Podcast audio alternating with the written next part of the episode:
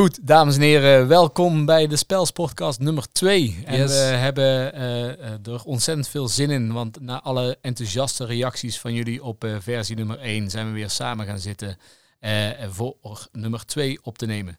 Eh, mijn naam is eh, nog steeds Daan Gele, speldocent hier op de ALO en ik zit hier samen met... Ja, nog steeds Thijs de Jong, ook de speldocent op de ALO. En eh, ja, ik heb er weer zin in, Daan. We konden niet wachten voor nummertje 2. Ja, mooi man. Laten we, laten we losgaan, zou ik zeggen. We hebben een mooi thema voor jullie. We hebben gekeken naar verschillende dilemma's die je tegen kunt komen in je eigen werkveldpraktijk. Ja, en wat we hebben gedaan, we hebben op Facebook van Netwerk Teaching Games, mijn eigen Facebook-account en via Twitter, hebben we eh, jullie eh, gevraagd voor een aantal dilemma's. En we hebben na vele reacties hebben de mooiste eruit gehaald. De duivelse dilemma's van Spelsportcast nummer 2.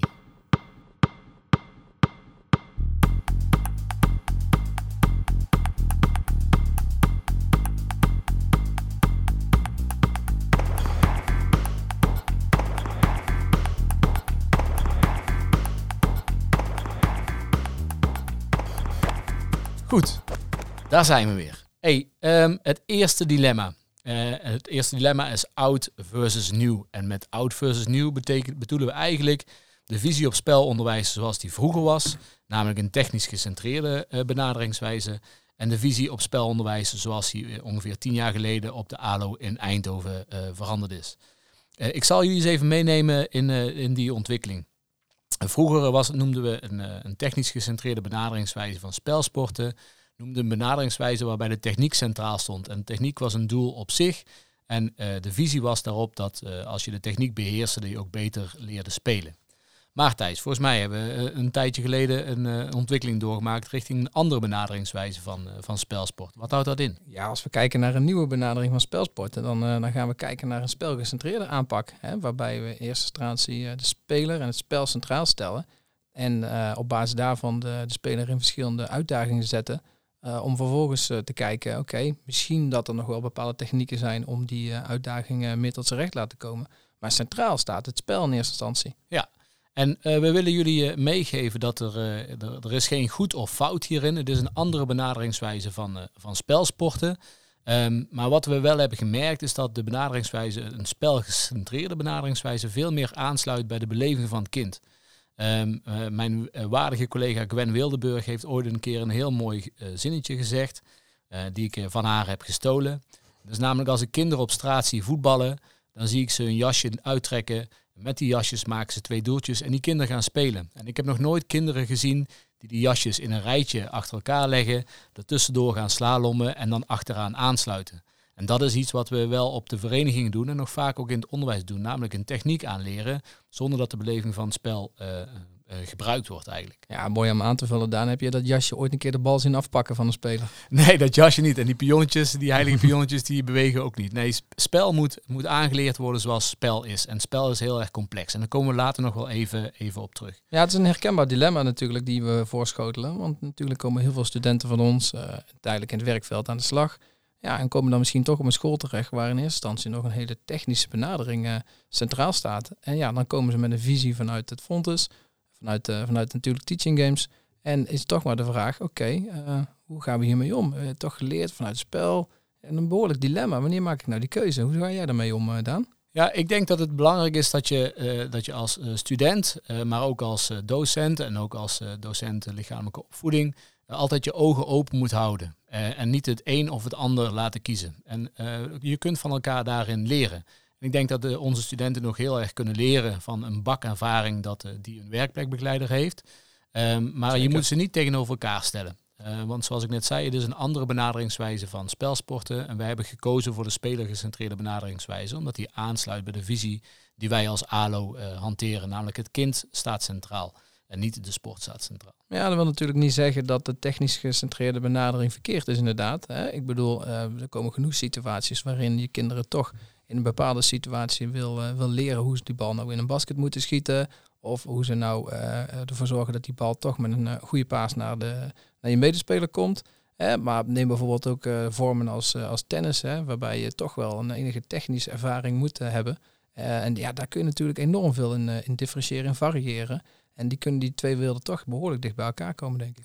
Ja, en wat voor plaats techniek nou in het leerproces van leerlingen heeft, daar komen we later op terug. En bij het dilemma tactiek versus techniek. Mhm. Hey, het uh, volgende dilemma dat we hebben. Spelen beleven uh, tegenover beter leren spelen. Ja, dat sluit mooi aan op wat je net al, uh, die quote die je van Gwen aanhaalde natuurlijk. Hè? Het beleven van een spelletje. Kinderen vanuit de natuur zijn, zijn spelend ingericht. Hè? De, de homo ludens, zoals we het mooi zeggen. Ja, ja. Mooi en, woord. mooi woord. En ja, hoe ga je daar nou mee om in zo'n in zo'n les natuurlijk? Hè? Want uiteraard binnen bewegingsonderwijs staat beter bewegen, beter leren spelen natuurlijk ook centraal. Ja, Kijk, ehm, uiteindelijk uh, willen we kinderen iets leren. Uh, en leren is op een, op een heel breed vlak. Hè. Je kunt kinderen beter leren spelen. Je kunt kinderen leren het spel leren beleven. Je kunt kinderen leren om met elkaar om te gaan tijdens het spelen. Het is natuurlijk ontzettend afhankelijk van in welke doelgroep je staat en wat de visie is van jouw school of van jouw vakgroep. Uh, maar spelen beleven um, is iets wat, wat, wat de basis moet zijn van spel. Kijk, spel in de essentie gaat om winst en verlies. Dat is de, de core essentie van, van spelonderwijs. Dus die beleving moet je naar boven toe halen. Als je een spelletje speelt waarbij dat niet kan gebeuren, dan haal je de, de soul uit het spel. De spelen beleven is super belangrijk. En je moet als docent er dus alles aan doen. En daar kan ik refereren aan de podcast die we de, die we de vorige keer hebben opgenomen. Alles aan doen om die uitdaging voor de kinderen zo groot mogelijk te houden. En een uitdaging kan ook zijn dat een spelletje net niet lukt, zodat ze, dat ze de intentie hebben om uh, daadwerkelijk te, te, te, leren. En als je ze dan hebt gegrepen, dat ze, dat het spel tof vinden, uitdagend vinden, ja, dan kunnen we de stap zetten naar het beter leren spelen. Ja, nee, ik, ik kan je helemaal vinden erin, Daan. Ik denk dat het een, uh, een dilemma is die misschien uh, wat minder snel naar voren zal komen, omdat je toch in een beleving heel makkelijk ook alweer Ehm, eh, beter gaat leren spelen. Op het moment dat je plezier hebt in dat spelletje, ja, dan komt natuurlijk makkelijker uh, die, die verschillende tactieken en technieken die je nodig hebt, komen dan weer naar voren toe. Ja, ja en dat, dat beter leren spelen, ehm, wat belangrijk is, is, is dat, je, dat je kinderen dat ook probeert aan te leren. Dat is super lastig. Dat is echt heel erg lastig. Dat is heel moeilijk, ja. Want spel is heel erg complex. En als je zelf geen, uh, geen speler bent of geen spelachtergrond hebt, dan is het lastig om inzicht te hebben in het spel en dat ook nog eens een keer je kinderen aan te leren. Nou, middels het boek van Spelinzicht, nog steeds te kopen op bol.com. ik maak toch wel een beetje gratis reclame. Um, kun je, kun je heel veel methodes vinden uh, en ook didactische werkvormen vinden waarop je kinderen beter kunt leren spelen. Uh, een methode is bijvoorbeeld het spel stilzetten. Een methode is gebruik van videofeedback. Een methode is het gebruik van leervragen stellen. Uh, maar wel met als, met als belangrijke um, oogpunt beter leren spelen met datgene wat je wil bereiken. Um, als je kinderen beter wil laten vrijlopen, dan moet je je vragen daarop gesteld zijn. Als je kinderen beter wil laten vrijlopen, dan moet je videofeedback daarop gericht zijn. En omdat spel zoveel omvat, aanval, verdediging, vrijlopen, wel balbezit, geen balbezit, um, is het soms lastig om de focus uh, te houden bij het, uh, bij het verbeteren van het spel. Ja, en dat hoeft ook natuurlijk niet ten koste gaan van de beleving. Hè? Dat, dat hoeft absoluut niet. Ik bedoel, juist ook door op, op andere manieren uh, te triggeren, um, blijven ze nog steeds betrokken bij dat spel. En is die beleving nog net zo hoog als misschien dat je het uh, zou moeten aanpassen. Ja, ja en, en uh, het is een, een, een scheidslijn waar je, waar je, die een beetje wankel is. Ik weet niet of dat goed Nederlands is, maar volgens mij begrijp ik, begrijpen jullie wat ik, wat ik bedoel. Um, je moet het spel niet kapot analyseren of kapot verbeteren. Dus op het moment als jij dus als docent om de, om de twee seconden het spel stillegt om een verbeteren moment aan te geven, ja, dan haal je dus wel de beleving eruit. En, en, dan, en zullen kinderen ook niet beter, uh, beter gaan spelen, denk ik. Hey, ik wil even um, een bruggetje maken naar een volgend dilemma. En de, deze hebben we gekregen van een van de, de, mensen via internet, namelijk Thomas van Nistelrooy, oud-student. Van mij, maar ook van jou. Ook van mij inderdaad, ja. Ja, klopt. Tof, vanuit het mbo naar het hbo doorgegaan en nu werkzaam in het werkveld. En hij stelde ons het dilemma voor hoe zit het nou met spel in het basisonderwijs? Um, en het dilemma is dus basisonderwijs tegenover voortgezet onderwijs. Spel in basisonderwijs tegenover spel in het voortgezet onderwijs. Um, kijk, het allermooiste zijn die spelende kinderen volgens mij op een basisschool. Je ziet ze helemaal losgaan, een, een, bal in de zaal. en dan, dan is het leuk voor ze. Maar ook daarin moet je die beleving, die moet je proberen te, te grijpen. En om kinderen nog steeds daarin beter te kunnen maken. En wat mij vaak opvalt op stagebezoeken in het basisonderwijs, dus als we gebruik maken van drie vakkenlessen, is dat er twee vakken zijn waarbij de docent de kinderen beter maakt, met diep springen of met balanceren of met andere vormen. En dan is er een derde vak en dat is dan zelfregulerend. Uh, en dan laten we dan uh, de kinderen spelen. En uh, dan zetten we ze vier tegen vier en dan zetten we vier doeltjes neer en dan ga maar spelen. Ja. ja, ik denk dat dat best, dat dat best complex is. De kinderen kunnen het wel. maar op het moment dat ik 16-jarige 4 tegen 4 laat spelen op een heel klein veld, is ook heel erg complex. Dat is super lastig. Ja. Dus die basisschoolkinderen, ja, ik denk, ik weet niet of zij dat kunnen, maar hoe, hoe kijk jij daar tegenaan dan? Ja, vind ik wel mooi wat je zegt. Weet je, op het moment dat je een, een gymzaal binnenloopt en je ziet die kinderen daar daar inderdaad in een, eh, een beetje, een beetje ja, worstelen misschien met soms een hele moeilijke en complexe vorm. Ja, dan, uh, dan gaat, men, uh, gaat men toch wel een beetje, een beetje pijn doen. Want ja, juist die kinderen die zijn van nature echt spelende kinderen. Ze willen echt lekker bewegen, ze willen aan de slag gaan. Ze kunnen vaak ook best wel goed reguleren. Hmm. Maar toch worden ze dan vaak in situaties gezet waarin ze heel weinig balcontact hebben. Of kinderen die juist heel erg alleen blijven staan, niet betrokken worden in het spel omdat ze misschien nog niet in staat zijn om elkaar op die manier ehm, te coachen en te helpen. Ja. En ik denk dat wij als, als, als vakdocent LO toch wel ook een, een belangrijke rol en taak hebben om ook in zo'n vak met die kinderen aan de slag te gaan. Ook in het basisonderwijs. Ja, zeker. En ik denk eh, het begrip impliciet leren, als je niet weet wat dat betekent, zoek het even op. Uh, impliciet leren is in het basisonderwijs uh, super belangrijk. Jij als docent moet de organisatie zodanig neerzetten eh, dat elk kind daar impliciet gaat leren met betrekking tot, uh, tot spelonderwijs. En niet verwachten uh, dat het zomaar gaat. Jij moet dat proberen dat proces bij te sturen. En maar dan spel in het voortgezet onderwijs, want dat stond er tegenover. Hoe, hoe zie jij spel in het voortgezet onderwijs? Nou, ik zie het in ieder geval niet ook dat je meteen tegenovergesteld van impliciet expliciet gaat maken. Mhm. Maar ik denk juist ook in het voortgezet onderwijs dat er heel veel ruimte moet zijn voor regulering. En je ziet juist vaak dat je dan daar tegenover ziet dat de docent het soms weer ja, een beetje kapot reguleert. Ja. Oftewel te veel sturing wil aanbrengen. Dus waar we in het basisonderwijs juist meer uit een docent kunnen sturen, denk ik dat juist in het voortgezet soms ook wel meer vanuit de student moet kunnen komen. Ja, terwijl het mij ook wel eens opvalt als ik op stagebezoeken ga en ik praat ook uit eigen ervaring. Ik ben tien jaar uh, docent lichamelijke opvoeding geweest op het Heerbeek College in Best. Um, dat je soms, uh, dan loopt het spel en dan, dan loopt het goed en dan, uh, dan is eigenlijk je eigen rol een beetje, een beetje weg of zo. En dan, dan laat je ze maar gewoon spelen.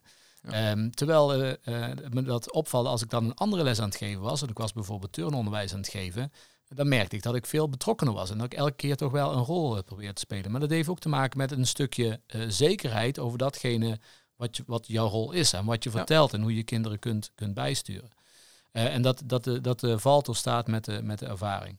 En hoe ging dat, uh, we komen straks nog even terug op dat uh, voortgezet onderwijs, maar hoe ging dat bij het mbo? Want jij hebt, jij hebt heel veel ervaring gehad in het mbo. Hoe was spelonderwijs in het mbo voor jou? Ja, ja spelonderwijs in het mbo natuurlijk een hartstikke belangrijk onderdeel, omdat wij ze natuurlijk ook grotendeels voorbereiden op het vak van trainer-coach. Mhm.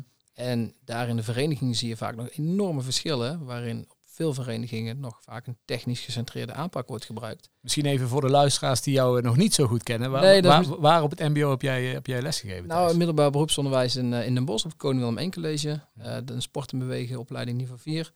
En we, daar bereiden we de studenten voor op een uh, vak als trainer-coach, uh, maar ook als een stukje ja, buurtonderwijs sportmedewerker, waarin ook zeker spelonderwijs terugkomt. Ja, en daarin zie je toch wel dat uh, de studenten die van het voortgezet onderwijs afkomen, vaak wel het bewegen, het spelen bewe uh, bewegen goed kunnen. Hè? Dus beter leren spelen, dat begrijpen ze wel. Maar op het moment dat we ze willen uh, leren om dat ook te gaan reguleren, ja, dan zie je vaak dat ze nog wel een beetje tekort komen. Ja. Vandaar ook net mijn opmerking van ja, ik zou juist in het voortgezet onderwijs ook het reguleren toch wel wat meer aandacht willen geven. En misschien ook wel meer vanuit eigenaarschap het, het vak willen wegzetten. Ja, dat is zeker. Want, want hoe mooi zou het zijn als, uh, als je gymles uh, geeft uh, en je, je bent een spelles aan het geven, dat je als docent zo nu dan ergens in kan springen, maar dat kinderen in staat zijn om het spel misschien zelfs wel aan te passen en ervoor zorgen dat iedereen plezier heeft tijdens het spel. Ja. En ik denk ook dat het heel erg afhankelijk is van op, op wat voor school je staat, um, wat de visie is van de school, wat de visie is van de vakgroep. Of je misschien wel BSM geeft, want op het moment dat je, uh, dat je vijf VWO BSM-lessen aan het geven bent, ja, dan, dan kun je echt wel wat verder gaan. Weet je? Dan kun je echt wel kinderen uh, verbrengen in beter leren spelen. Uh, en tactische inzichten geven. Ehm, misschien wel met systeempjes werken. Misschien wel een beetje meer richting de sport gaan werken. Die mogelijkheid heb je dan. Maar waar je voor moet waken als je, als je stapjes gaat zetten richting de sport, is dat je, dat je elke student of elke leerling blijft, blijft aanspreken. Hey, het, ehm, het volgende bruggetje, uh, en dit is wel een hele interessante volgens mij, uh, namelijk uh, tactiek versus techniek. Um, twee woorden die, die vaak door elkaar gebruikt worden. Ja. mensen die niet zo'n sportachtergrond hebben of niet zo'n gymnaire achtergrond hebben, zeggen dat tactiek-techniek of techniek-tactiek. Ja. Ze weten niet zo goed wat wat is. Um, even heel simpel voor de luisteraar. techniek is iets wat je met je lijf doet, dat is de uitvoering van. En tactiek is het nadenken over een bepaalde beslissing in het spel. Dat is eigenlijk uh, simpel gezegd uh, het verschil. Hey, en als we dan uh, tactiek tegenover techniek zetten, en ik wil niet zeggen dat er een keuze gemaakt moet worden, wat, wat, wat valt onder tactiek voor jou?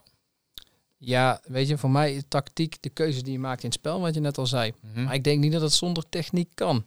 Hè? Um, jouw keuzes worden misschien uh, groter op het moment dat je bepaalde technische vaardigheden uh, beter onder de knie hebt. Mhm. En dat is een goede dat je zegt. Het is een dilemma waarbij vaak toch wel de keuze wordt gemaakt. Ja, ga ik nou mijn les volledig inrichten op uh, speluitdagingen, op keuzes die ik moet maken, wel of niet de bal afspelen, schieten op het doel. Of ga ik daarnaast misschien richten op techniek.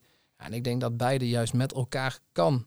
Techniek kan heel mooi in combinatie met tactiek, omdat je elkaar ook nodig hebt en het ondersteunt elkaar er ook in. Ja, en wat heel belangrijk is, is de plaats in het leerproces. Ja. Kijk, um, vanuit een technisch gecentreerde benaderingswijze van spelsporten, zoals dat uh, in het verleden heel veel uh, onderwezen werd, uh, werd techniek als eerste geplaatst.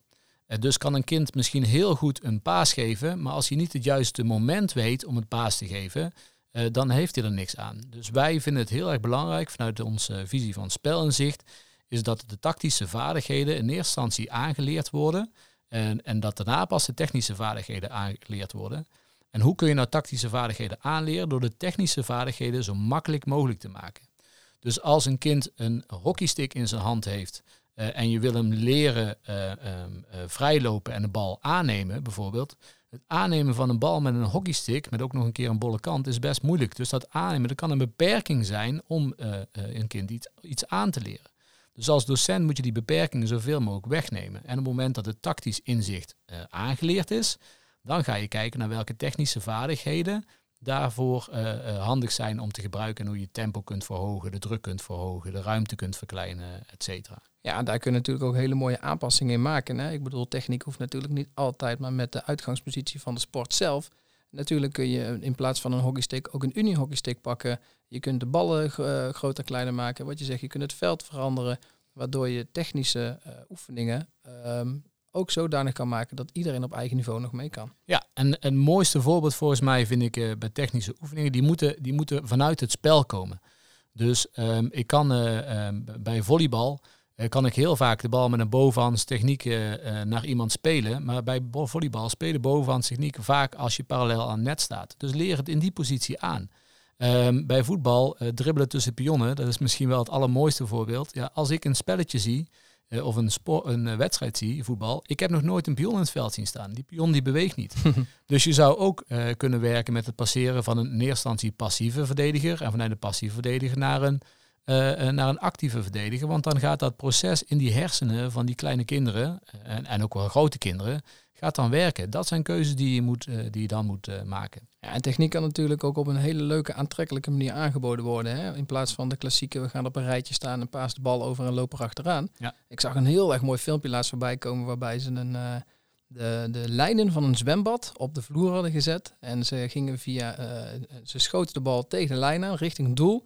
En doordat die boeien de bal als het ware uh, daar tegenaan kwam, mm. uh, varieerde de richting van die bal op het doel. En die keeper moest daarop anticiperen. Ja. En dus je hebt een hele technische oefening, ja. waarbij je een stukje schieten, pasen uh, en proberen die bal te vangen, toch op een hele leuke, speelse, uitdagende manier wegzet. Ja, en als docent dus heel veel spelen met materiaal, ruimte, tegenstanders, alle variabelen, Absoluut. om de techniek zo breed mogelijk te maken. Hey, ehm, eh, het laatste dilemma van vandaag. Ja. Uh, ook eentje die we veelvuldig binnenkregen uh, op de social media. Als je ons nog niet volgt, netwerkteachinggames.nl of op Facebook zijn we ook te vinden op Netwerk Teaching Games. En op Twitter. En op Twitter, at Teaching Games, ook nog eens een keer. Dus ehm, kijk daar eens even. Ook op de site van netwerkteachinggames.nl. Er staan een aantal publicaties die geschreven zijn. Dus doe er je voordeel mee, want we willen onze visie zoveel mogelijk uitdragen. Ja, het laatste dilemma, Daan. Een hele mooie en hele actuele ook. Hè. Onlangs heeft een van onze collega's, Lars Borghouts, daar ook nog iets over verteld bij de NOS. Ja. Het beoordelen van spelonderwijs. En dan voornamelijk ga je dan proces beoordelen of kijken naar het uh, product. Hoe kijk jij daar tegenaan, uh, Daan? Is dat een moeilijke keuze of is dat een dilemma wat eigenlijk uh, ja, heel duivels kan zijn? Nou ja, het, het is geen keuze. Um, want de, je, kun, je kunt het een of het ander doen. Het enige wat ik heel erg belangrijk vind, is dat je weet waarom je bepaalde keuze maakt. En die keuze die maak je op basis van de visie van je school, de visie van jouw vakgroep en de visie van jou op spelonderwijs. Uh, wat je wel ziet in het, uh, tegenwoordig in het bewegingsonderwijs is dat er steeds minder vaak gekozen wordt voor het beoordelen van het product. omdat je daardoor een heel erg groot onderscheid maakt. Kijk, kinderen in het Nederlands onderwijssysteem zijn ingedeeld op cognitie. Ehm, leerlingen zijn even slim. maar in jouw gymles zijn er ontzettend grote motorische verschillen. En zou je dan dat jongetje of meisje dat dan niet zo goed is, door jou onvoldoende bij de gymles niet over mogen laten gaan van twee haven naar drie haven. Ja, dat is, een, dat, is, dat is zeker een dilemma, denk ik. Ja, dat is een heel groot dilemma inderdaad, ja. ja. Maar tegelijkertijd um, zijn er ook uh, kinderen die heel erg goed kunnen spelen. Uh, en die wil je dan ook weer niet te niet doen. Dus ik denk dat je er goed over na moet denken hoe je dat, uh, hoe je dat in, in kaart brengt. Um, wij vinden het heel belangrijk dat je in ieder geval de leerlingen de mogelijkheid geeft om te kunnen leren. En als we praten over beoordelen, twee lesjes handbal en daarna een cijfertje geven. Ja, dat is, een, dat is denk ik een vast. Dat is niet beoordelen. Dat is kijken naar wat het oefenresultaat is. En volgend jaar, als ze les hebben in handbal, begin je gewoon lekker weer op nul. Ja, precies. Je wil ruimte voor leerwinst creëren bij die leerling. Door ze over een langere tijd te kunnen volgen. En inderdaad is het interessant om te kijken, nou, waar gaan we dan vervolgens, als we beoordelen, op beoordelen? Kijken we naar een hele kwantitatieve benadering, uh, zoveel keer in de basket schieten. Ja, god, daar denken wij toch wel anders over volgens ja, mij. Ja, zeker. Of kijken we meer naar de speluitdagingen en proberen we uh, die leerling uit te dagen. Niet alleen door te kijken binnen uh, alleen basketbal, maar pakken we bijvoorbeeld een spelfamilie als doelspelen. Of pakken we een spelfamilie als terugslagspelen en kijken we daar binnen wat zijn er de overeenkomstige speluitdagingen. Ja. En richten misschien onze uitdaging en onze beoordeling misschien meer daarop. Nou, dat vind ik een mooi voorbeeld dat je zegt, want we hebben het net over, over de tijd geven om te, uh, om te kunnen leren. Um, uh, basketbal, handbal, hockey, korfbal, et cetera, zijn allemaal doelspelen. Dus ik kan bijvoorbeeld voorstellen dat je zegt, nou, ik doe drie lessen basketbal. Um, ik geef leerlingen inzicht in waar ze staan. Daar hoeft nog geen cijfer aan vast te zitten, helemaal niks. dan ben ik bezig met bewegen muziek, ben ik bezig met turnen. En dan doe ik drie lessen handbal. Uh, en dan doe ik uh, weer even weer tussendoor klimmen of iets anders. En dan doe ik weer drie lessen korfbal. En ik zeg nou even de sport, maar het mooie zou zijn, wat Thijs net zegt, is dat je eh, binnen die sport een speluitdaging centraal staat. Elk doelspel heeft een aanvaller en een verdediger. Dus je zou kunnen zeggen, oké, we gaan deze eerste drie weken gaan we ons focussen op de aanval. De volgende drie weken gaan we ons focussen op de verdediging. En binnen het boek Spelinzicht maken we dan ook eens een keer gebruik van speluitdagingen. En dan ben je doelgericht aan het onderwijzen. Want leren basketballen, ja, twee weekjes kansloos. Dat gaat gewoon niet lukken. Basketbal of elk, eigenlijk elke spelsport is zo complex uh, dat, je de, dat je de focus moet leggen op een, op een speluitdaging naar onze visie. Ja, naast een speluitdaging, en ik denk dat de mooie afsluiting daarin is, kun je natuurlijk ook kijken naar verschillende rollen. Hè? We hebben natuurlijk nu voornamelijk gehad over het beter bewegen, de beweegbekwaamheid. Maar er zijn natuurlijk meervoudige bekwaamheden waarin je een stukje omgang en uh, regel ook nog natuurlijk terug kunt laten komen binnen die beoordeling. Dat is misschien een mooie voor in de toekomst. Ja, we, we zijn zeker niet aan het einde van deze podcast-serie, dus ik denk dat we die, eh, die meenemen. Um, fijn dat jullie onze dilemma's hebben opgestuurd. Dat geeft ons informatie om, uh, om uh, dit gesprek aan te gaan. mochten jullie meer willen weten en meer willen horen tijdens de toekomstige podcast, laat het ons dan weten. We zijn bereikbaar via de social media. Misschien dat jullie onze e-mailadressen ook nog wel eens een keer ergens achter in je hoofd hebben opgesloten. Dat zou fijn zijn. Uh, bij deze wil ik jullie weer hartstikke bedanken voor, uh, voor het luisteren naar de podcast. Ja, dankjewel allemaal. En hopelijk tot de volgende keer. Tot ziens. Tot ziens.